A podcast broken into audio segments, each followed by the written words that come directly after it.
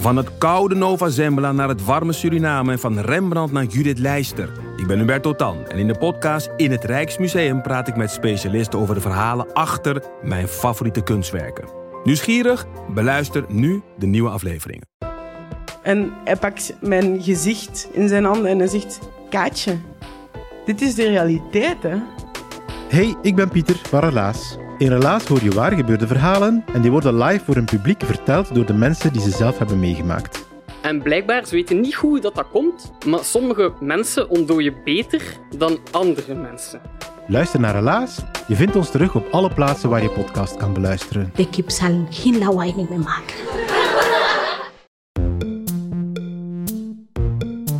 Fijn dat je luistert naar Boeken FM, de literaire podcast van de Groene Amsterdammer en Das Mag. Wil je nooit meer een aflevering van ons missen? Neem dan een abonnement op ons in jouw podcast-app. Zo ben je als eerste op de hoogte als wij weer wat nieuws te vertellen hebben. Wij doen ook vreugdedansjes als we een mooie recensie of gouden sterren van jullie krijgen in jouw podcast-app. En je helpt je medemens omdat wij dan ook beter zichtbaar zijn in hun podcast-apps. Zit je met een vraag of heb je opbouwende kritiek voor ons? Mail dan naar boekenfm.dasmag.nl.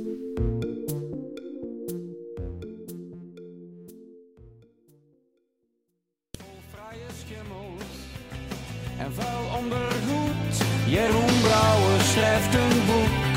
Hij weet hoe dat moet. Jeroen Brouwer schrijft een boek. Hij doet dat goed. Ja, ja, Is het zover? het is zover, kinderen. Op 30 april aanstaande mag Jeroen Brouwers maar liefst 80 kaarsjes uitblazen. 12 romans, verhalen, bundels, essaybundels, bloemlezingen, theaterstukken, feuilletons en nog veel meer schreef hij de afgelopen jaren. Zijn werk werd bekroond met vele prijzen. Brouwers kreeg zelf een eredoctoraat van de Universiteit Nijmegen. En nu is daar ook zijn nieuwe roman, Cliënt E. Busken. Wij volgen de hoofdpersoon Busken gedurende een hele dag. Hij zit vastgegrond aan- in zijn rolstoel op de gesloten afdeling van de instelling Madeleine. Tegen zijn zin, tegen zijn wil. Hij denkt, hij zwijgt, hij piekert, maalt en observeert. Jeroen Brouwer schreef misschien wel zijn laatste boek, door sommigen inmiddels al bestempeld als zijn beste. Maar wat vindt Boeken FM van deze cliënt E. Buske en zijn verhaal? Dat bespreek ik vandaag met het literair columnist van de NRC en dichter Ellen Dekwiets. YOLO, Bob. Yo. En schrijver en adjunct hoofdredacteur van de Groene Amsterdammer Joost de Vries. Hey Bob. Hi. Bob. Hi. Hoi. We beginnen altijd met een beetje dezelfde vraag, want dat vindt Joost volgens mij fijn. Hoe kunnen we dit boek plaatsen in het oeuvre van... Is dat echt een vraag die ik altijd fijn vind? Ja, Ja, zeker. Want zeg je op een regenachtige maandagmiddag, ik zal negen zijn geweest, begon ik in bezonken rood. Ik In was het somber. Latijn? Ja, in het Latijn. Ja, in het Latijn. Nee, maar het is misschien wel leuk om te vertellen wat wij al van iemand weten. En vooral wat Joost de Vries van iemand weet. Dus Joost, wat was jouw eerste brouwers die je las? Waarmee werd Ja, jij... nee, ik weet nog goed, in de groep 7 van de basisschool hadden we zo'n bibliotheekje in de gang. Naar het gymlokaal. En daar stonden de beduimelde exemplaren van Jeroen Brouwers. Nee, ehm, Jeroen Brouwers.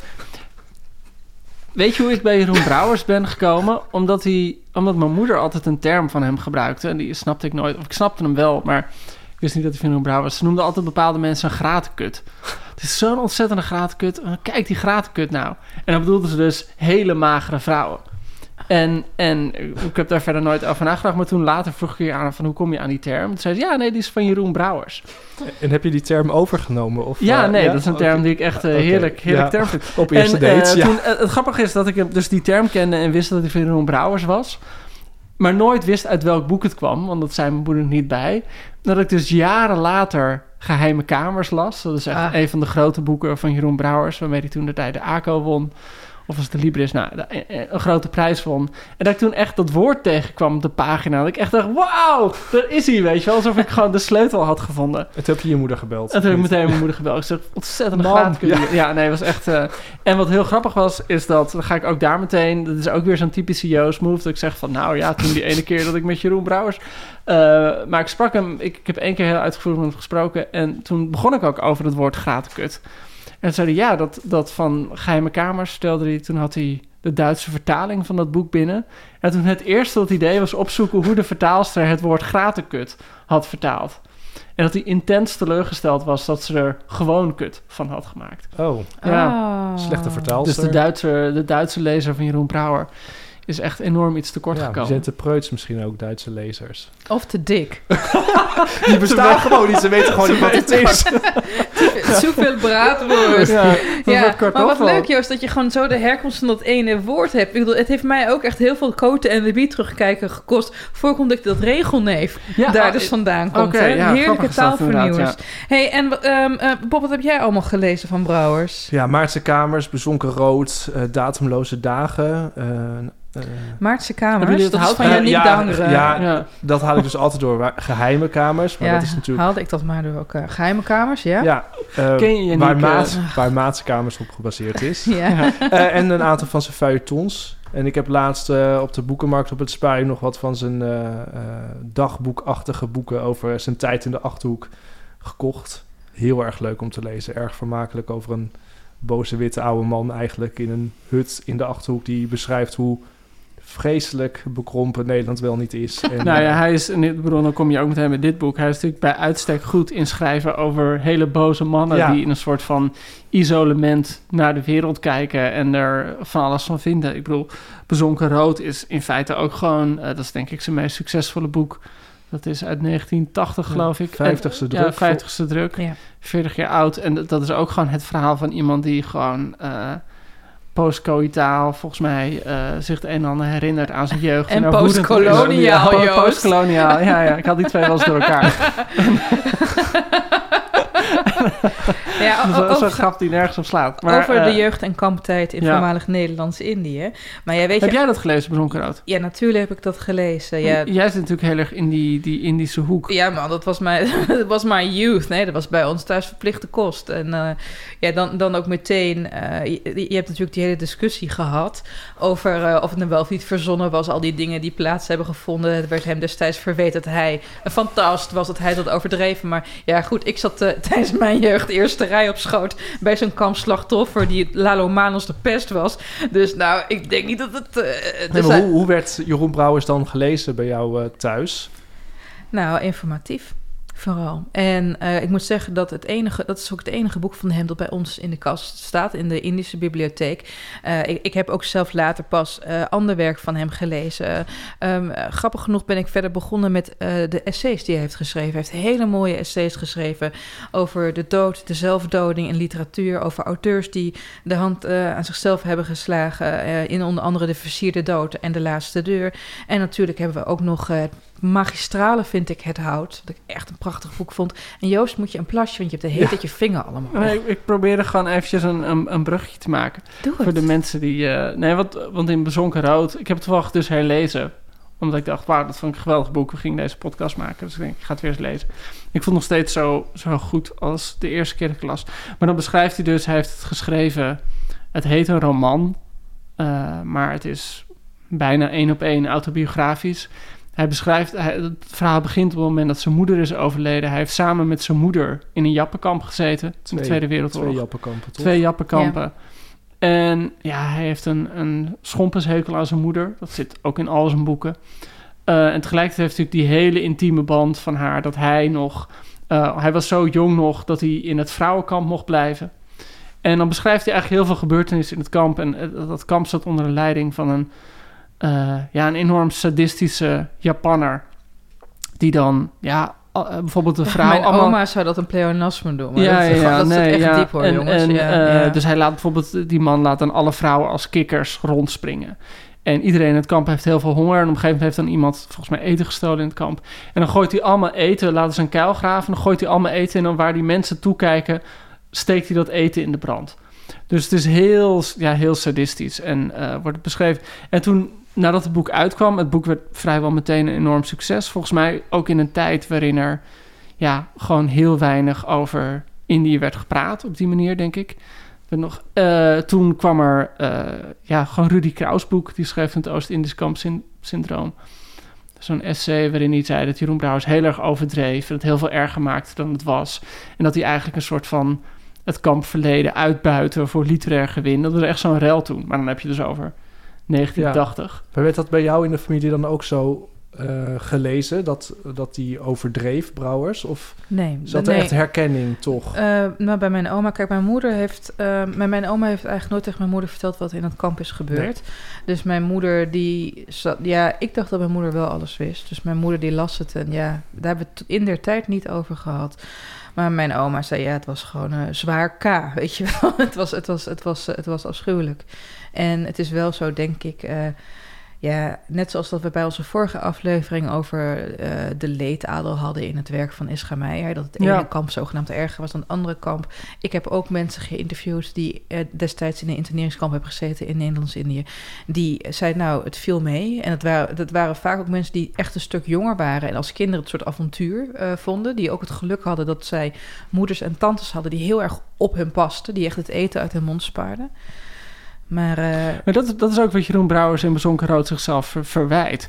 Dat hij een kind is in dat kamp en heel veel dingen als soort spel ziet. ja, En ja. gewoon de ernst er nog niet van inziet. En eigenlijk dan pas op latere leeftijd begint te begrijpen wat hij nou precies heeft meegemaakt. Nou, wat zijn moeder heeft en wat zijn, meder heeft, zijn moeder heeft meegemaakt, ja. Ja, maar voor, voordat kijk, misschien moeten we een keer een aparte aflevering maken over Indische letteren. Want kijk, eh, Dat zou wel leuk in- zijn, ja. rond 1980, kijk, eh dat was eigenlijk net zoals met eh, de, de, de, ge- de gebeurtenissen in, eh, in Europa of de Tweede Wereldoorlog. Er werd wel over gepraat, maar nog niet zoals er nu over wordt gepraat. Met de reflectie die mensen nu blijkbaar kunnen opbrengen. En ehm, in der tijd was het al wel zo, in het werk van Marion Bloem, maar ook in het werk van Adriaan van Dis, eh, zie je ook al. Wat Ja. de, de sporen daarvan. Hé, hey, maar jongens, even terug naar onze Oh ja. vrolijke Jeroen, Jeroen Brouwers. Brouwers. Nou, kort samengevat, wij kennen zijn werk. Het is natuurlijk ook een baas, beroepsquerelant. Happy de Peppy. Ik weet nog wel, ik ga even een Joost de Vriesje doen. Eeuwen geleden werd hij 75. Het zou eind jaren 80 zijn geweest. En ik mocht optreden in Antwerpen om dat met z'n om dat met z'n allen te vieren. En eh, ehm, de, hele, de hele schouwburg zat vol. Toen mocht ik met, ehm, met Joost Zwageman ook een, een ode aan hem brengen. En Joost Zwageman en Jeroen Brouwers... die hebben jarenlang gecorrespondeerd. Hè? Ook vanaf het moment dat Joost Zwageman gewoon een, een scholier was. En Joost Zwageman heeft blijkbaar één keer iets verkeerd gezegd over Jeroen Brouwers. En in de pauze sprak ik even met, eh, met Brouwers... die in, in, eh, op een krukje de ene de filterloze caballero... naar de andere aan het wegpaffen was. En toen dacht ik al, die wordt nooit oud. En zei, ja, dat die Zwageman durft langs te komen. En die hebben dus echt, als je ze achter elkaar plakt... kilometers liefdevolle brieven, interessante brieven... en dan één ding wat En misging. opmerking dan meteen Ja, verpest voor ja. altijd. Maar wat Ja. maakt het uit? Want ik vind Brouwers een fantastische schrijver. En toen was er opeens dit boek. Terwijl ik, ik had zelf niet eens meer durven hopen dat die man nog een boek zou schrijven. Dus ik dacht dat het hout het slotakkoord van zijn oeuvre zou zijn. En opeens was dit er. Jongens, toen we dit gingen lezen... We hadden het net al even over... Ik neem het even over, Bob, Ja, sorry. nee, maar goed. ik heb een manisch moment. toen we dit gingen lezen... waren al de sterrenregens neergedaald over dit boek. Dit was Ja, meer wel opgevreven ja. dan Ja. eh, Parasite dit jaar bij de Oscars. En ehm, het was ook al boek van de maand bij DWDD. Dus weet je wel, aan, eh, met Laudatier gelardeerd. En dan, als je dan gaat lezen, ik weet niet of jullie dat hebben. Het is net zoiets als vroeger als mijn moeder dan een nieuwe ovenschotel op tafel zette en zei: Het is heel lekker. Dat je al bij voorbaat dacht van, nou, ik weet niet zeker. Weet je wel? Ik had, mijn voorpret was een beetje gedempt door al die lof. Hadden jullie daar last van? Zijn je daar überhaupt gevoelig voor? Ja, ik ben heel erg. Ik begrijp helemaal wat je bedoelt. Ik heb het inderdaad met die Oscar-films. Dat je dan echt denkt: Ja. oh, oké, dus, dit is, dus dit heeft de Oscar voor beste film geworden. Nou, kom maar op. Weet je wel? en, en je hebt het in het verleden ook wel gehad met een aantal van die romans. waarvan je dan weet dat de auteur eh, een miljoen voorschot heeft gehad. Weet je, van die Amerikaanse romans. Weet je, Ja. dat je dan elke bladzijde leest met het idee van: oké, dus dit moet, 100, dit, dit moet een miljoen waard zijn. Weet je, dat je er toch anders naar kijkt. En het klopt wel dat ik, ik had volgens mij de, op de dag dat het boek uitkwam, kreeg het vijf sterren van Thomas de Veen in de NRC. Die was super enthousiast. Eh, maar daardoor wist je ook wel een beetje wat je stond te wachten, inderdaad. Dat het heel erg een, een taalwaterval zou worden. Hoezo, Eh, hoezo wist je dat? Op basis van wat er in de ja, op recensie basis van wat er stond, in zijn, zijn recensie stond, natuurlijk. Ja. En eh, het gekke was, ik had dus het omgekeerde. Dat ik ehm, volgens mij bij ons heel erg, heel erg heb aangedrongen dat we dit boek moesten gaan doen. Omdat ik dacht van, oh, dan weet ik zeker dat ik het ga lezen. Omdat ik anders misschien een beetje twijfelde of ik het ging doen of niet. Want gewoon zo'n boek over zo'n oude man die aan het aftakelen is in een verzorgingstehuis. Ik wist niet of ik dat uit mezelf zou gaan lezen. Oh. En dus ik, ik, ik gebruik soms de podcast een beetje als een soort stok achter de deur om bepaalde boeken te lezen. Jullie zijn mijn stok, Ellen. Nou, Ja, ik- of ik- je bent ik- meer mijn gezel, maar Dat is ergens ja. Ja, ja, ja. Nou, maar weet je, dat is grappig. Hè? Dat we- Dan doen we denken aan de traditionele scepters die de Egyptische farao's. Dat was een vlegel en een stok. Weet je wel? Dus ik ben gewoon een soort Toetankhamon. Ja, dat maar dan eh, bent, niet ingewikkeld. Hey. Bob, toen jij... eh, jij bent natuurlijk boekhandelaar pur sang, hè? En dit boek was dan een verkoopsucces voordat ja, alle lof... dat, eh, dat, Ja? dat verbaasde me. Dat eigenlijk verbaast me dat iedere keer, want er is zoveel wat in de boekhandels ligt. En dan valt het vaak op als er iets eh, als warme broodjes over de eh, toonbank gaat. En dat was bij dit boek echt, eh, dat dat echt gewoon al voor de, voor de Wereldrijd Door... Nou ja, de, de NRC kwam eigenlijk tegelijk met de verschijning van het boek. eh, dat het echt gewoon dat het echt massaal werd verkocht. En dat je eigenlijk al gelijk moest gaan inschatten van nou hebben we wel genoeg in huis voor het weekend. En, Zo. Wauw, lekker. en, maar ik ging het lezen omdat ik fan ben van zijn taal vooral. Ehm, ja, en ik, dat ben ik nog steeds. Maar of ik fan ben van dit boek, daar... ehm, Daar gaan we het nu over Daar hebben. gaan Daar nu gaan we over nu... Dit, was een, eh, dit was een lange en voorspel. jij, eh, Ellen, ben jij gevoelig voor... Ja, eh, ja, Bob, ik ben, daar, ik ben daar extreem gevoelig voor. En daarom, nou weet je, zal ik even voorstellen? Toen jongens, ik begon dit boek te lezen. Ik had het natuurlijk al doorheen gebladerd. En ik dacht, oh lieve Heer Jezus, weet je wel, Brouw is een van mijn helden. Ik heb helemaal geen zin in dit boek. Ik las de flaptekst, daar de eerste tien pagina's, dacht ik, oh my god, this is One Flew Over de Hendrik Groen. Weet je wel, een, een mopperende oude man in een gesticht. Ik dacht, nou, dit, gaat, dit, dit, dit wordt hem niet. En ik heb echt even moeten doorbijten. En dat zit hem, eh, dat zit hem wat mij betreft aanvankelijk vooral in die woordenstroom die over je wordt uitgestort. Misschien is het leuk als we daar een proeven van geven. Joost, misschien? heb jij wat Ehm, klaarstaan? Ja, zeker. Nou, ik heb, ja.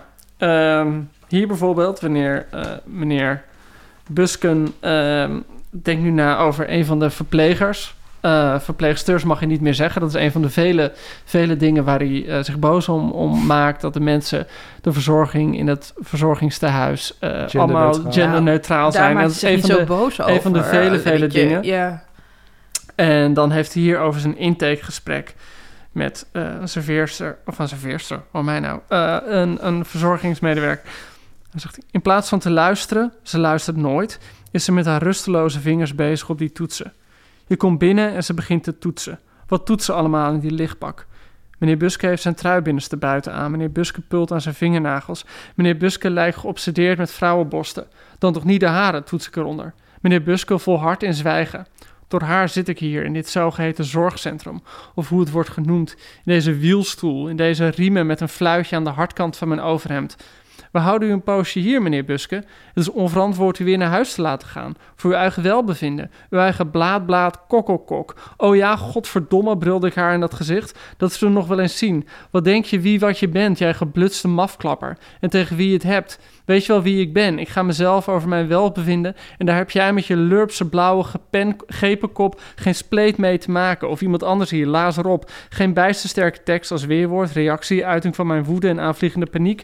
Terwijl ik toch een bezonken intellectueel en geestesaristocraat ben. Een geletterde man met een van haast religieus taalbesef en een woordenvariëteit als bloementuin. Waarmee ik in mijn gedachten adequaat en helder, tevens elegant weet te formuleren. Daar sta ik onbekend. Maar mijn woordkamer lag chaotisch overhoop. Dit was de enige keer dat ik mij met ha- haar verstond. Ze zal mij luid en duidelijk hebben verstaan. Ja, ik vind dit eh, echt geweldig, lieve Ja. mensen. Ik ga hier, zoals ik al vaker zeg, echt heel, heel, heel hard op. Het Dit is, totaal de Jeroen Brouwers die woorden als gatenkut verzint. Ja, ja, ja, maar dat niet alleen. Eh, hij spaart zijn hoofdpersoon natuurlijk ook totaal niet. Hè. Kijk, deze cliënt, E. Busken, die is nou ja, eh, geestelijk een beetje Harry in de worry. En die loopt de hele tijd dingen te zeggen die hij, toen hij nog werkte, deed. Hij was bijvoorbeeld polair meteoroloog. Hij vertelt dat hij een keer met koningin Beatrix aan het kletsen was. Hij, hij is dan weer een soort creative writing guru, noem het maar op. En ik vind het ontzettend geestig. Het is in, en, en het is tegelijkertijd is het heel tragisch, want hij zit natuurlijk vastgegooid in een pamper, in Ja. een rolstoel. Kan En- niet praten. Kan, nou, of vertikt Of ja, te of praten. ja, het is- het het in onduidelijk. En dan noemt hij zijn hele zogenaamde cv op zijn, zijn lijst eredoctoraten. Als je die achter elkaar zet, heb je een lijst langer dan een rol wc-papier. Maar hoe, hoe, hoe betrouwbaar vind je hem als verteller? Natuurlijk totaal onbetrouwbaar, maar dat maakt het niet, eh, dat maakt het niet minder eh, scherp en grappig en machteloos. Want het is iemand die maar de hele tijd loopt te zeggen wat hij wel niet was. Met als contrast dat hij allereerst het niet is. En ten tweede, je weet dat hij zich zo erg aan het overschreeuwen is... dat de huidige situatie wel ontzettend verschrikkelijk moet zijn. Nou, en wat je, denk ik, dat is... Kijk, het, het, boek heeft niet heel duidelijk een plot of een... eh, maar waar de spanningsboog toch heel erg door komt... is dat je wel de hele tijd afvraagt van hoe... Hoe staat hij er nou precies voor? En hij heeft die, hoe ver is hij al heen, om het eigenlijk te zeggen, om het plat te zeggen. Eh, dus hij, hij maakt zichzelf van alles wijs, of hij maakt de, de, de lezer heel veel wijs. En tegelijkertijd merk je op allerlei manieren dat je denkt van... goh, is dit nou een heel origineel woord? Of verspreekt hij zich gewoon? Ja. En zegt hij, drukt hij zich eigenlijk verkeerd uit. En hij beroept zich de hele tijd op dat hij zo ongelooflijk eloquent eh, en belezen... en eh, hè, die prachtige woordkamer van hem... Uh, maar eigenlijk merk je dat gaandeweg het boek is dat heel erg de spanning van... goh, is hij niet gewoon over de hill en gaat het gewoon gaat het hem niet meer worden? Ik bedoel die vergelijking met uh, nou ja, hersenschimmen en, en Hendrik Groen... of nou, Hendrik Groen, Ja. is, is die ook een dementeren? Nee, maar die, die, zit wel, en die zit wel, want dat, dat is een tweede component van het lijden van deze cliënt E. Buske. Eh, hij wordt de hele tijd gedebiliseerd, tot en met. Ja. Eh, mensen praten tegen hem alsof het echt gewoon een zwakzinnige is. En dan wordt het contrast extra schrijnender. Met als je kijkt wat voor hij zichzelf wel niet toekent. Wat voor een enorme eh, symbolische als wel maatschappelijke status. En ehm, die tragedie zorgde er ook voor dat ik het op een gegeven moment samengeknepen billen zat te lezen. Want kijk, wij weten natuurlijk allemaal dat als wij niet voor onze tachtigste komen te overlijden door een auto-ongeluk, we op, op deze manier aangaan. En eigenlijk zie ik dit boek, kijk Joost, jij zegt nou dat het plotloos is.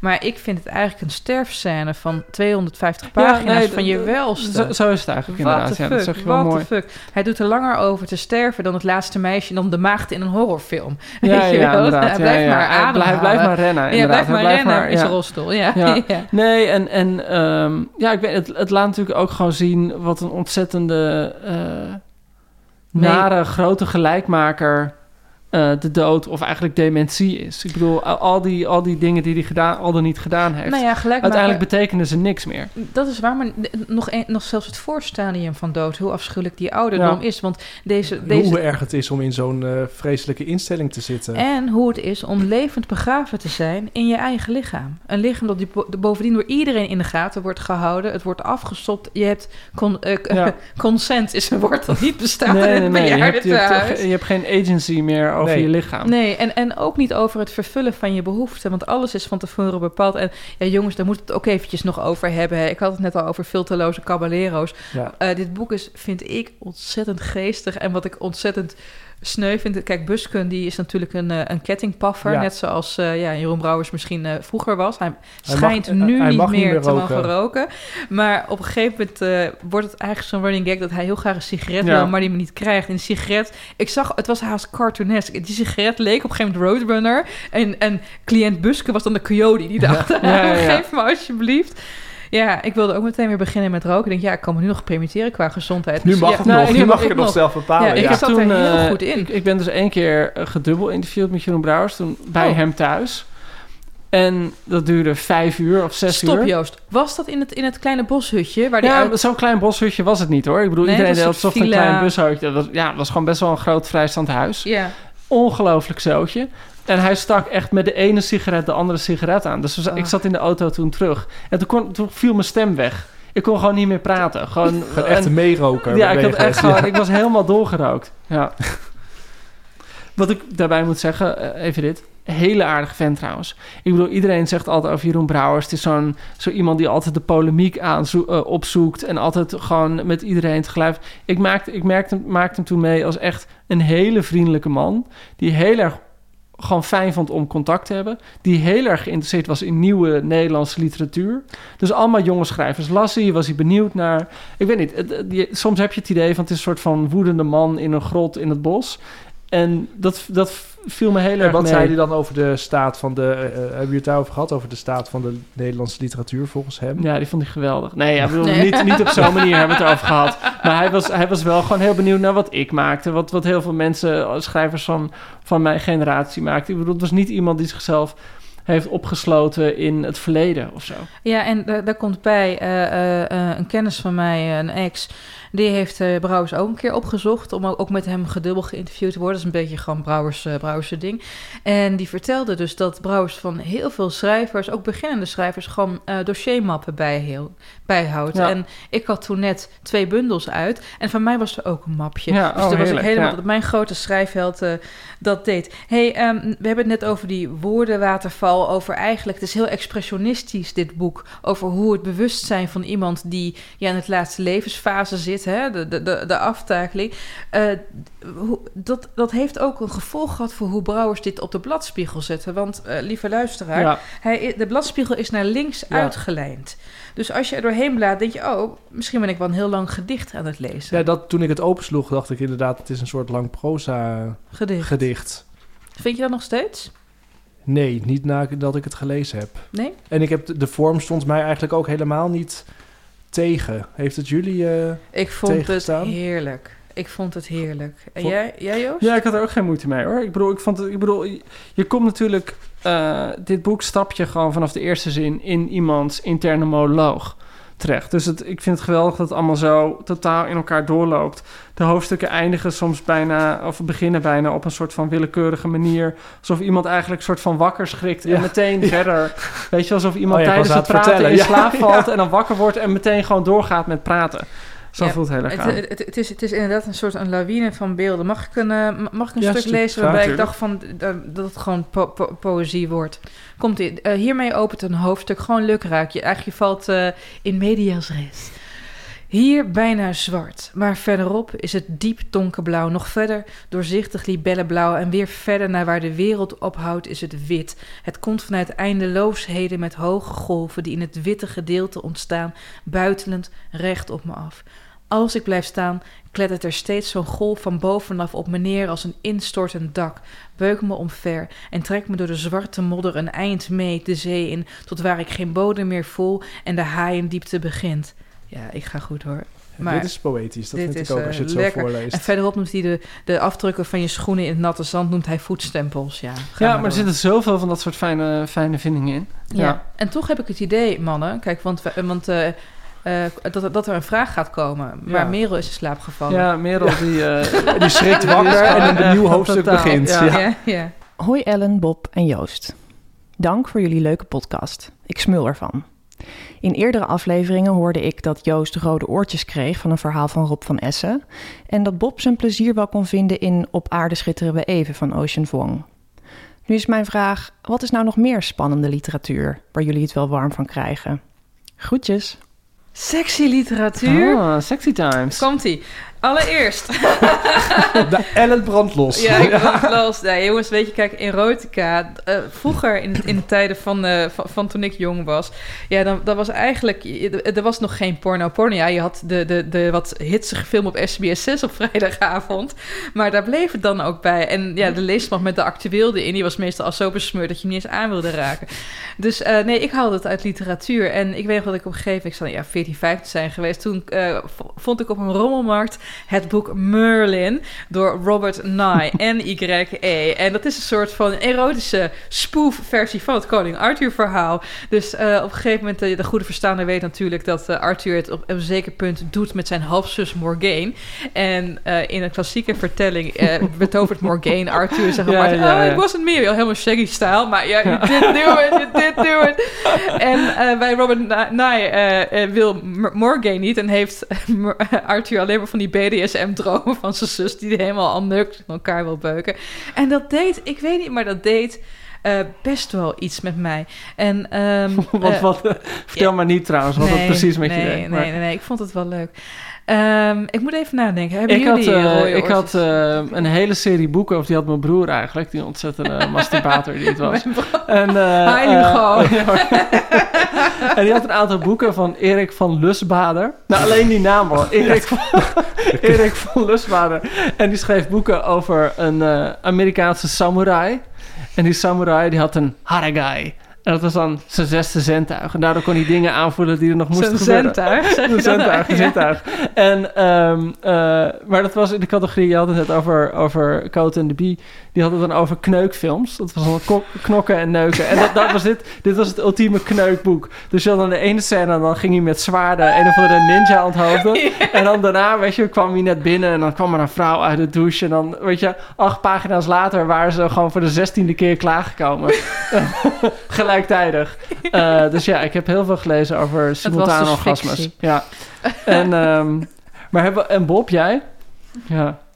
Wat? Wat? Ja, nee, wat? ja, ja. Ik ben heel Alsof benieuwd je, wat je ja. Alsof je gaat... Oh, ik, ik denk dat je dit gaat zeggen. Ja, ik denk, nou, nee, kom maar. Nee, kom ik maar, denk kom dat maar ik... binnen. eh, kom maar binnen met je knecht. Ja, ik, ik, ja, ja, ik, ga- Jezus, Jezus, godverdomme.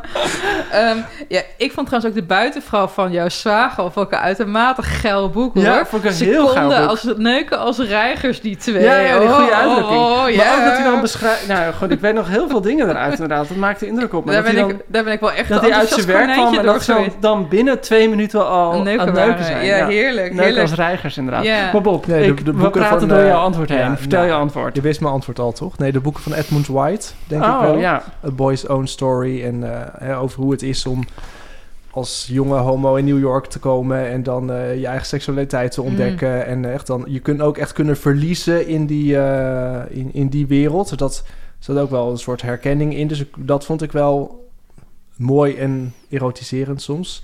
Wij moesten ook Mieke Maaikes op jeugd Oh ja, Louis Paul Boon.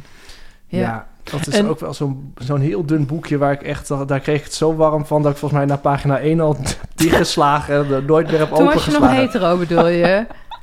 Nee, ik kan dat ook wel gewoon opwindend vinden hoor. Oh, sorry. Ik ben zo... oh, Niet in hokjes denken, En, Ellen. eh, Ja. Maar kijk, Sorry. Ellen, eh, natuurlijk dat je zeg maar 14 bent, dan is alles waar gewoon een tiet in zit, is al gewoon erotisch. Voor je ongeveer, of tenminste voor mij. Ja. Zijn er ook gewoon meer eh, eh, boeken van nu te bedenken die, eh, die heel goed voor je gaan? nou, weet je, ik heb. Nou ja, dat is eigenlijk. eh, maar dat, dat, is, dat, ja, dat is niet echt. Dat is een graphic novel. Mag dat ook? Tuurlijk. En dan niet de rode oortjes, maar eh, van ehm Alan Moore. Dat is ook Oh, ja. eh, de, ma- de man achter V voor Vendetta. Ja, Watchmen Watchmen en, Swamp Thing. Noem maar op. Elke coole graphic novel ooit. En die heeft een paar jaar geleden... Nou, tien jaar geleden heeft hij Lost Girls uitgegeven. En dat is een hertelling van de verhalen... nou, je moet het zo zeggen. ehm, Alice van Alice uit Wonderland. Wendy uit Peter Pan. En Dorothy uit The Wizard of Oz. zijn allemaal volwassen vrouwen geworden. Die komen samen in een hotel vlak voor de Eerste Wereldoorlog. Een hotel, ik geloof, in Oostenrijk. En die beginnen elkaar hun erotische gebeurtenissen... sinds ze hun sprookjeslanden hebben verlaten te vertellen. En Oh, alles komt eraan. Weet, weet, je- weet je wel, seks, eh, lesbisch, homogay met dieren, zonder dieren, noem maar op. Zit er allemaal in. Het is, het is qua een beetje... Ik weet niet of jullie die, ehm, die grap kennen. De, aristocrat, de Ja, ja, ja, van ja. Bob Oh, mijn Saget. god, ja, ja. YouTube het mensen, want ik ga het niet uitleggen. Nee, nee, nee. Maar het is eh, More Than Two Girls, One Cup. Dat is Ja, 50 ja. cups. Lost Girls van Ellen Moore is ook zo. En We zouden echt makkelijk een podcast over Alan Moore kunnen maken ook. dat gaan wij doen. Zullen we dat een keer doen? Ja, zullen we dat doen? Heel Voor de graag. graphic Small novel. talk, eh, ken jij Alan Moore? Ja. Ja, heeft zulke geweldige dingen gemaakt. Ja, oké. Ja. En, en natuurlijk qua sexy dingen, eh, de poëzie van Anne Sexton. Ja, de naam zegt het al. Ja, ja. een goeie. volgende Was dit een bevredigend antwoord Ja, op de ik, ben, ik ben ontzettend bevredigd. Mooi zo, top. Dagboek FM. In de aflevering over Ischa Meijer ging het over zijn toneelteksten. Ik lees eigenlijk nooit toneel. Doen jullie dat wel? En wat zouden jullie me aanraden? Behalve Shakespeare waarschijnlijk. Groetjes, Olaf. Olaf, hoi. Ja, eh, ik lees heel graag de toneelteksten van Peer Wittebos. En, Ja. Ja, Ja. Dat zijn, en, dat, dat- en daar heeft hij af en toe heeft hij fantastische hertellingen van Griekse mythes... zoals Atlanta of Atalanta. Mijn mijn geschiedenis heeft tekort. En dat is, dat is ehm, heel vlot, heel grappig en heel moedig geschreven. De toneelteksten van Pinter. Ook eh, Ionesco, De Koning Sterft, vind ik echt fantastisch. Ik moet zeggen dat ik het eerder heb dat ik teksten lees nadat ik naar een toneelstuk ben geweest. Oh, En, eh, ja, ja, ik- Angels in America. Angels in. America. Ja, Ja, maar ik heb bijvoorbeeld heel van Harold Pinter gelezen. Eh, ehm, je hebt Faber en Faber, heb je wel van die mooie dunne boekjes. Dus Betrayal heb ik laatst gelezen van Harold Pinter. Dat is echt een geweldige tekst Mhm. over eh, twee mannen en een vrouw. En een driehoeksrelatie. Eh dat verhaal wordt achterstevoren verteld. Dat speelt zich over 30 jaar af. En dat is geweldig om te lezen. Ik heb Art van Yasmina Reza. Is echt geweldig om te lezen ook. En Oh ja. eh, het, verschilt natuurlijk een beetje per... Want soms, soms heb je van die hoofdstukken... of van die toneelteksten... waar gewoon heel veel regieinwijzingen aan staan. Dan moet je dan een beetje doorheen leren lezen. Maar in feite is het gewoon een, een lange dialoog. Ik, ik vind ook trouwens de toneeltekst van Ilja Vijver, hoor. De eeuw van mijn dochter. Vind ik echt fantastisch. Maar niet gelezen. Daar ben ik echt een stuk op gegaan. Dan, eh nee, goed, dat is echt een tip, jongens. hey, en eh, eh, ook natuurlijk, de, ja, dat klinkt misschien ook weer te highbrow voor, om, om waar te zijn, maar ik ga ook lekker op Euripides, hoor. Vind ik Ja. echt sterk. Sophocles. Ja, maar gewoon... Top. Ja, ik weet dat het cliché is, maar Shakespeare is ook heel goed te lezen. Zeker Ja. omdat je heel veel van die teksten al kent. Ja. Eh, of tenminste, je weet wat er gaat gebeuren. Eh, is het gewoon heel fijn om dat verhaal... dat je echt... Als je, kan je toch veel beter op die taal inzoomen als je het leest. Ja, en Tennessee Williams natuurlijk. Ja, ja. En eh, ja. inderdaad ook eh eh Ionesco. Van, van wie is The Lion in Winter? Weten wij dat?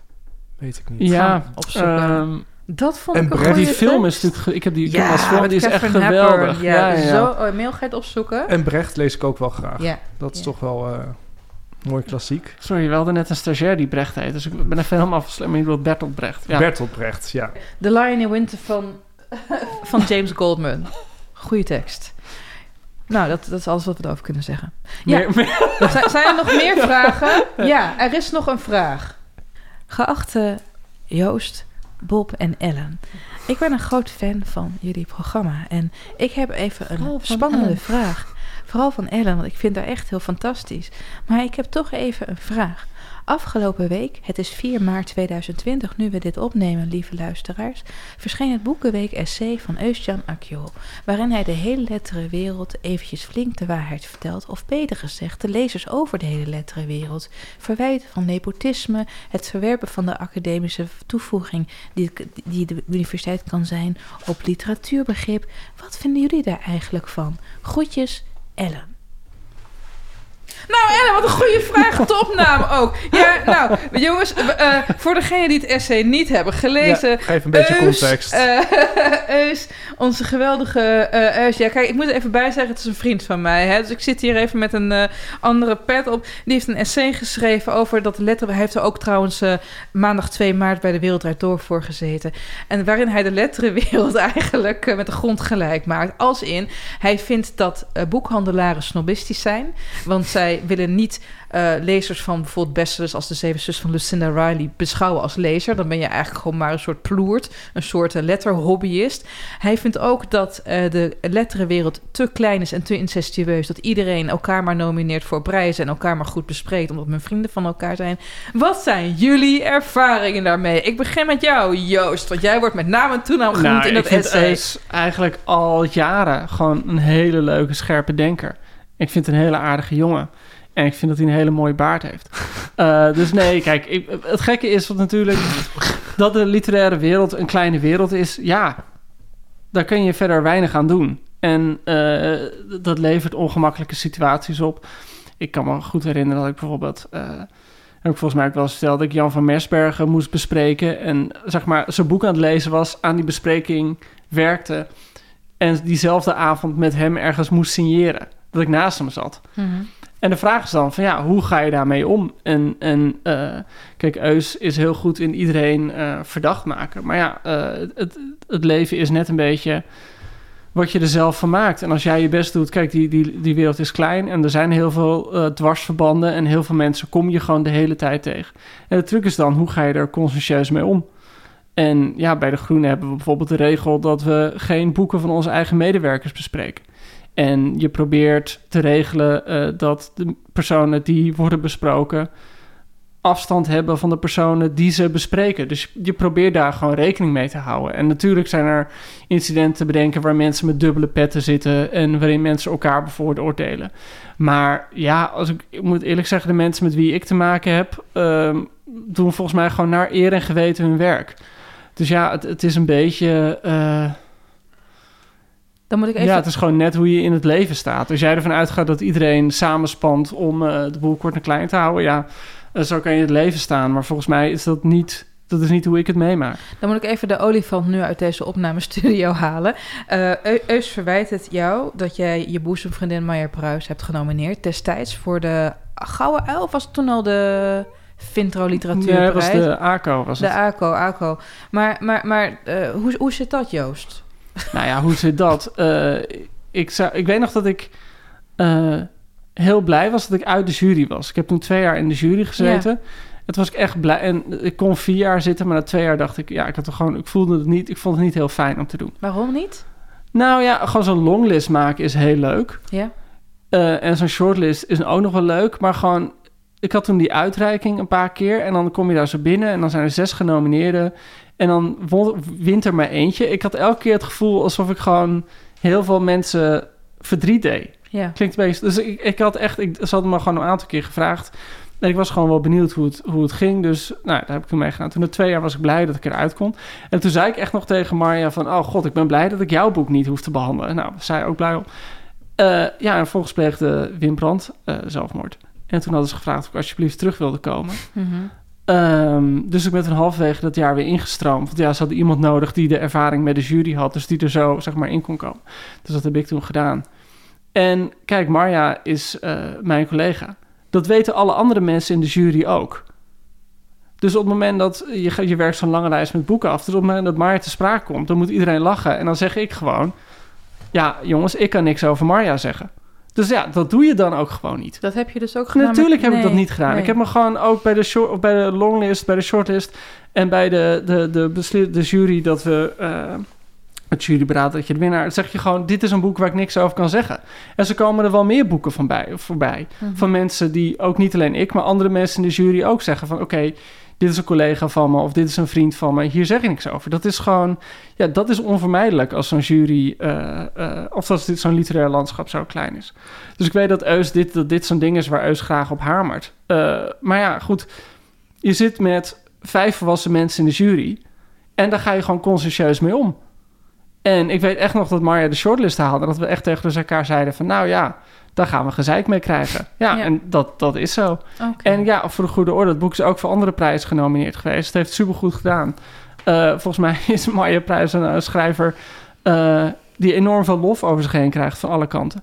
Dus ja, dat ze zo'n shortlist haalt. Het idee dat, dat ik in mijn eentje dat door zo'n jury heen eh, kan duwen. Dat die andere vier volwassen mensen die erin zitten... dat die geen enkel idee hebben en dan zeggen... oh ja, Joost, natuurlijk. Nou, zo werkt het gewoon niet. Nee, bedoel, Louise Fresco was de voorzitter. Die is spijkerhard, weet je wel. Dan krijg je echt niet, krijg je echt niet iets langs geglipt.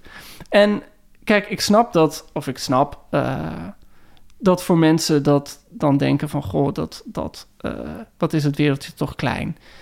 Ja, dat klopt. En eh, ik vind het jammer dat Eus daar dan alleen maar... een soort van nepotisme en corruptie in ziet. Terwijl gewoon heel veel mensen ermee bezig zijn... van hoe kun je daar eerlijk mee omgaan. Ik heb het ook met juries wel eens eh, meegemaakt.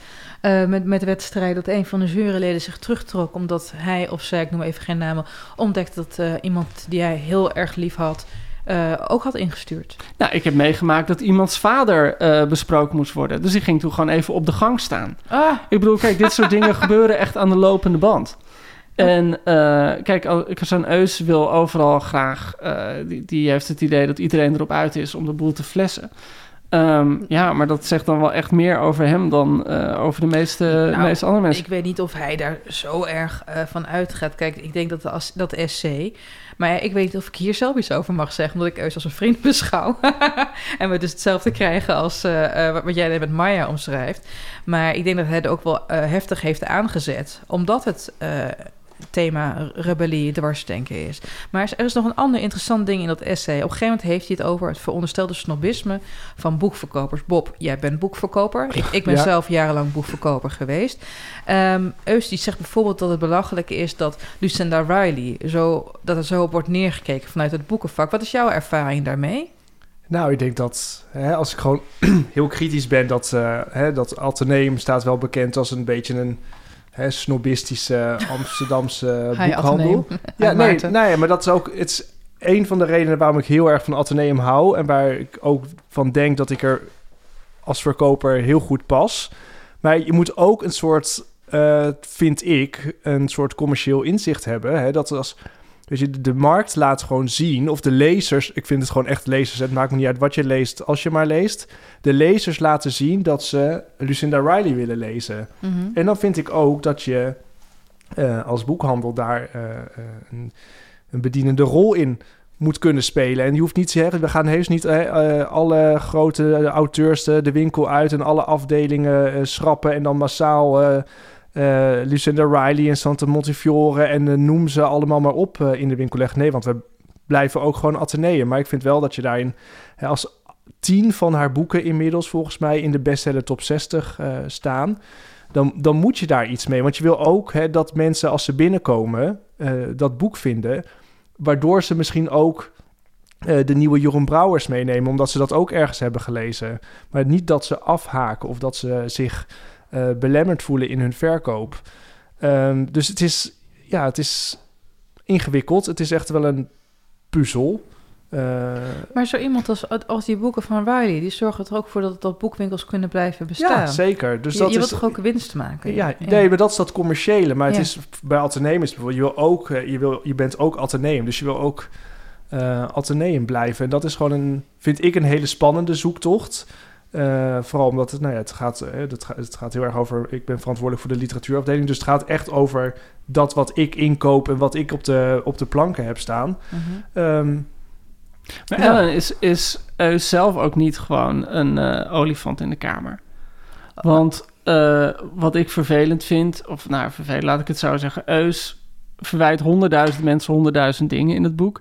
Hij verwijt het bijvoorbeeld alle jongere auteurs dat ze het alleen maar over zichzelf hebben. Zijn debuutroman heet, Heet Eus. letterlijk Eus. Er gaat, hij heeft twee romans geschreven, alweer jaren geleden, die helemaal één op één over zijn leven gaan. Hij verwijt de culturele elite alles, maar dit is dan iemand met twee beste vrienden. De ene beste vriend is de rijkste uitgever van Amsterdam in het grootste grachtenpand. De andere beste vriend is Matthijs van Nieuwkerk, de koning van Hilversum. Dit is iemand die een directe lijn heeft eh, naar alle zendercoördinatoren, die elk jaar een tv-serie mag maken, genoemd wordt als de opvolger van, Wereldrijd, van, de, van Matthijs van Nieuwkerk. Dit is iemand die het CPNB, gesche- eh, die het CPNB eh, Boekenweek-essay mag schrijven. Dit is iemand die loopt te tweeten over Ja. de NRC boekenwedstrijd en volgens die helemaal naar zijn hand zit. Dit is iemand die totaal de culturele piramide heeft beklommen en nu vanaf de top naar beneden staat te pissen. Ja. Ik bedoel, ja, ik vind het, het, het is bijna, eh, ja, het is bijna gewoon grappig zo hypocriet het is. Nou ja, weet je, hij heeft genoeg, laten we het, even academisch bekijken. Hij heeft genoeg symbolisch kapitaal om op de rest van de hele literaire wereld lekker te gaan haten. Ehm, tegelijkertijd denk ik ook dat er een aantal dingen zijn, een aantal, een aantal terechte punten die hij maakt. Onder andere over dat de kanon, weet je wel, dus de Nederlandse kanon, de boeken die jongeren moeten gaan lezen op school geïnnoveerd moet worden. Dat er meer eh, breedte moet zijn voor de onderwerpen die daarin worden behandeld. Dat, dat, dat soort dingen ben ik wel compleet met hem eens. En ja, weet je, hij heeft makkelijk eh, praten, want hij heeft een solide positie binnen het literaire veld. Nou ja, niet binnen het literaire veld. En dat is dus wat er zo grappig aan is. Dat hij heeft binnen de, de ehm, mediawereld een enorme positie Ja, ingenomen. dat klopt. Maar, en dat is denk ik ook de frustratie. En, en dat, je, en dat, dat is natuurlijk ook een soort van hele gekke spanningsboog die er in de culturele wereld is. Je kan heel veel ehm, commercieel succes hebben en geen kritisch succes. Dus je kan helemaal doordringen tot de elite, en zoals eh, eh, Lucinda Riley, heel goed verkopen. En tegelijkertijd niet hoog gewaardeerd Nee. worden. En dan krijg je dus altijd de vraag van wat is nou het belangrijkst voor iemand? En er zijn denk ik heel veel schrijvers die heel tevreden zijn dat ze niet in de NRC worden besproken en toch goede, eh, goede boekverkoop hebben. En er zijn denk ik ook heel veel mensen die tevreden zijn dat ze wel die grote Volkskrant-bespreking krijgen, maar niet de CPNB top 60 halen. En het is denk ik heel lastig als je daartussenin zit en je wil het allebei en je krijgt maar één van tweeën. Daar is tegenover zijn natuurlijk ook heel veel mensen die het allebei niet krijgen. Ik bedoel, het is gewoon een, een, een, een nou, wat je zei, er zit gewoon een heel gek, dat culturele kapitaal is gewoon op een hele rare manier verdeeld. En dat is gewoon een, een soort spanningsveld. Symbolisch kapitaal bedoel je? Ja, symbolisch kapitaal. En eh, nou ja, het is ook cultureel kapitaal. Van wat vindt bepaalde groepen belangrijk? En dat verschilt weer voor elke groep. Ik heb zelf maar eigenlijk één... eh, nou ja, weet je, eh, kijk, Eus scheert heel veel mensen over één kam. De jonge schrijvers bijvoorbeeld. Maar wat, wat, ik, wat, ik, wat ik wel echt vervelend vind... is dat hij de academische wereld bij voorbaat helemaal wegschuift... als een saaie, zichzelf bevestigende eh, elite. Terwijl hij heeft twee jaar Nederlands gestudeerd. En dan, dan mag je dat soort dingen niet zeggen. Dan moet je het helemaal doorlopen hebben. En ehm, de ironie is ook dat hij... aan het begin zegt hij van... ja, literatuurwetenschap is nergens goed voor onzin, onzin. En tegen het einde haalt hij juist een literatuurwetenschapper aan... Kila van der Starre... om met haar onderzoeksgegevens... Zijn eigen, een eigen punt van hemzelf te bewijzen. Dus weet je wel, met andere woorden... misschien pleegt hij ook een hele grote tovertruc met de schrijver. En dit is natuurlijk een welwillendheid van mij... die voortkomt uit vriendschap. En bij jullie waarschijnlijk er totaal niet eh, erin zou kunnen. Maar goed, eh, fijn. Ik wou het even van jullie horen, kids. Ja, nee, Ja. ja. Dus lezers, als jullie, of luisteren, als jullie nog vragen hierover Ik denk, ik hebben. denk vooral hoe, hoe interessant is dit voor... eh, Ja. voor... Moet natuurlijk goed... eh, het is heel erg... Ik denk dat voor, dit boekje is leuk voor iedereen die in het literaire wereldje zit. Vraag me af hoe interessant dit voor de mensen die ieder jaar het Boekenweek essay kopen is. Dat vraag ik me oprecht af. Oké. Ja. Nou ja, het is geen, geen zozeer een bespiegeling op literatuur, maar op het literaire bedrijf. Ik denk dat in een niemand het gaat lezen. Nou, ik denk juist wel. Want die man heeft toch ook al met een rechtszaak gedreigd? Mhm. Die uh, Veenendaalse Ja, ja. boekhandelaar, die jij trouwens kent, toch? Ja, ja, zeker. Ja, dit is de. Is het echt zo'n hufter? Nee, Nee, nee, maar de- dus maar het is ik- de boekhandel van me. Het is ook de boekhandel. Dus dat zorgde bij mij al voor een eerste weerstand. Ik dacht, ja, weet je, ik kwam daar als zevenjarig jochie, mocht ik iedere boek, ik, heb een altijd het idee dat de, de, de boekhandel in Veenendaal bijna een soort marketing gimmick is geworden. Dat gewoon iedereen zet dan een blote titel op de voorpagina van het boek. En dan wil de boekhandelaar in Veenendaal wil het niet. En dan meteen een persbericht, boek geweigerd door boekhandel. Alsof het dan meteen een soort van aanstootgevend is. Ik bedoel, dit is gewoon een man. En ik bedoel, dat vind ik met het Atheneum ook. Ik bedoel, uiteindelijk mag elke boekhandel zelf weten wat ze willen en wat ze niet willen. Eh, ik bedoel, en, en ja, daar kan commercieel van alles op aan te merken zijn. En je moet maar net eh, bedenken hoe je dat, dat kunt overleven. Maar ja, ach. Ik denk, de dat heel veel, ik denk dat heel veel boekhandels in het land eh, eh, reven op de plank hebben kunnen, hebben kunnen staan... omdat Riley daarnaast staat. Ja, dat denk ik ook. Zullen we teruggaan naar het boek? We hebben genoeg over het essay, denk ik. Laten Ja. we het weer over Jeroen Brouwers eh, gaan hebben. Eh, het, het is, volgens mij heeft eh, Thomas de Veen in de NRC... had het over het Joep van het Hek-achtige in dit boek. Zouden jullie daar wat over kunnen zeggen? Joep van het Hek-achtig. Nou, weet je, het is ontzettend grappig. Hij wordt flink gescholden en gehaat op diverse vrouwspersonen. Ja, ja, het is wel mijn humor. Ik, ik ga er heel goed Heb je, daar heb je daar geen moeite mee? Nee, nee, nee, nee, want nee, nee, nee, nee, aanvankelijk wel hoor. En ik heb het in een ander werk van hem, dan zet hij de vrouw lulliger neer, weet je wel, hij objectiveert meer, maar hier is het er gewoon Ja, je hebt volgens mij bittere bloemen Ja, of zo. Dat is echt bijna niet te doen. Zo. dat is Nee, zo'n dat oude is man die dan alleen maar op, op jonge vrouwen gaat. ja. En eh, dat is echt eh, bijna niet te doen. En dit boek inderdaad gaat heel veel grappen over... Het gaat ook heel veel grappen over taal. Je merkt dat hij daar heel boos om is. Hij is heel boos dat je hoer dan geen prostituee... Of geen hoer mag zeggen, maar prostituee. Maar prostituee mag ook weer niet. Je moet sekswerker zeggen en dan sekswerker. Ook als het om een vrouw gaat, geen sekswerkster. Nou, gewoon eindeloos is hij met dat soort termen is hij bezig over genderopheffing. En eh, ja, ik, ik- Thomas de Veen zei van... Het, het, het is een beetje Joep van het Hekkiaans... maar overstijgt het heel erg in die taal. Ik vond het in taal wel overstijgen... maar in opvatting nog steeds wel Joep van het Hekkiaans. En ehm, Joep is heel leuk, vind ik, voor, eh, als je een babyboomer bent. Maar eh, inmiddels trek ik het niet zo heel goed meer. Nou, en dat had ik heel erg bij eh, dit boek. Ik, vond de taal technisch echt prachtig en woorden ook. ik had nog nooit nagedacht over het eh, tandpasta, tube, dopje en zo. Dat soort woorden. Denk ik, die kregen in één keer betekenis toen ik mijn tanden stond te poetsen. Maar ik, ik, ik kon me niet eh eroverheen zetten over ehm, waar we het over hadden. Over hè, dat, die, dat je geen hoer meer mag zeggen. Of het vrouwonvriendelijke. Of het, het homosiel en dat soort dingen. Ik merkte gewoon dat dat... dat ehm, stond me tegen. En dat Ah. maakt dat ik, dat ik enthousiast ben over, over de taal. Maar dat, ja, Enthousiast over de vormen, over Ja. de inhoud. Aanmerkelijk zo. minder. Ja, en dat vind Oké. ik jammer. Want toen ik het dichtsloeg, dacht ik, ik heb een mooi boek gelezen... maar dan zo'n soort grijze wolk Ja, dus toch Dus, een eh, beetje een eh, soort rare nasmaak. Ja. ja. ik heb dit boek gelezen als een koordstroom. Ik moest ook heel erg denken aan het werk van de Vlaamse auteur Jeff Gerards. Die heeft ook boeken waarin hij dus principieel geen punt zet.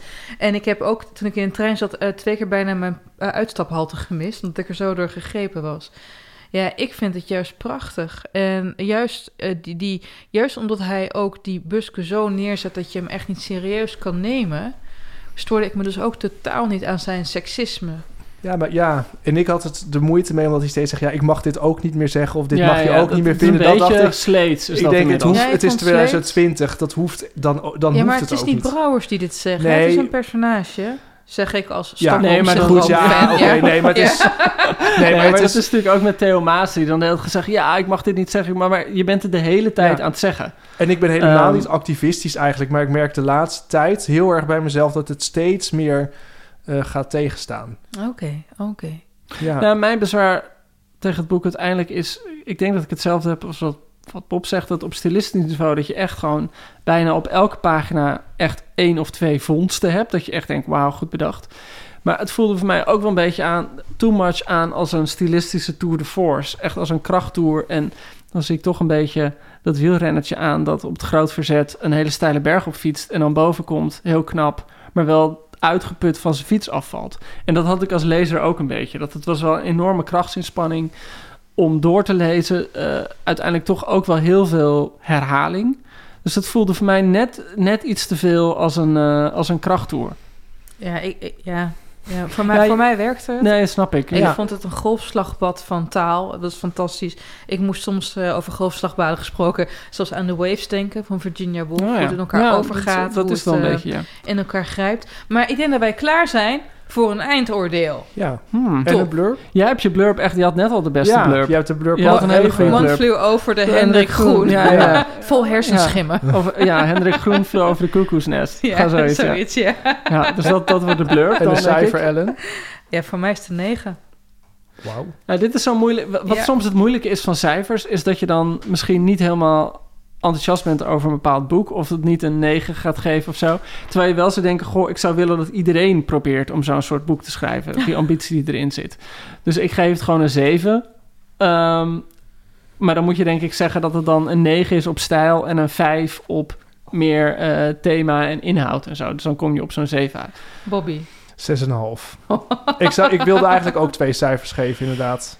Ja, maar een 6,5 vind ik... eh, ja, nee, Nou. dat is het wel. Maar ook met een kanttekening erbij dat als wij je niet overtuigd hebben, jij, jij luisteraar, als we je niet, overtu- als we je niet overtuigd hebben, lezen. ga dan vooral Bezonken Rood lezen Ja. of Geheime Kamers. Want dat zijn echt meesterwerken. Dus Ja, als je denkt hout, van... het ja, hout. het hout, Het ja. hout. Dus als je nou denkt, dit boek is, dit, dit is niet de Jeroen Brouwers voor mij. Zoek dan een van zijn oude Jeroen Brouwers die nog allemaal in druk zijn. En in grote ja. stapels naast Lucinda Riley in eh Nee, want er- leggen. Klopt alfabet. Is u Oh, bekend, oh, ja, met, het. Ja, is u bekend met het alfabet? Ja. Ja, maar toch een 7,4. Ja. Ik vind het... Klopt dat, Merel? Heb ik dat goed zo uit mijn blote Ja, bolletje? mij, ja, ja. het klopt, hè? Een rekenwonder. Ja, ik- echt Ja, ongelooflijk. ik vond het zo goed. Ja, nu, nu gaat ze het... eh, 7,3. Ik zat 7,3. Oh. Oké, ja, dit monteren we, dit monteren we erin. Ja. Ja, top jongens, bedankt. Hebben we zin in de boekenweek? Wij hebben zin in de boekenweek, zeker weten. Hebben wij het eh we geschenk al gelezen? We gaan Nee, ik heb het gelezen. Hey. Ik heb het gelezen, ik ging goed. Hey, als je vragen hebt, mail die naar. Das boekfm.dasmag.nl, dat was het. Heerlijk, Ja. jongens. Ja. Jongens, Bob bedankt. Ja, jullie bedankt. Ja. Ellen, dankjewel. Joost, Bob, dankjewel. ja, dankjewel. Merel, hey, Merel, hey, top. Merel. Merel. Deze is voor jou, Merel. bedankt. Come on, hey. Hey, en jij luisteraar, heel, heel, heel, heel erg bedankt voor het luisteren. Stuur je vragen op je suggesties. Wij gaan ons alvast inlezen, denk ik, in de shortlist van de Libris Literatuurprijs. Ja, daar gaan we een uitzending over maken. Ja. En je hoort snel van ons. Zoals Mart Smeet zei, à la prochaine. À la prochaine. Oh,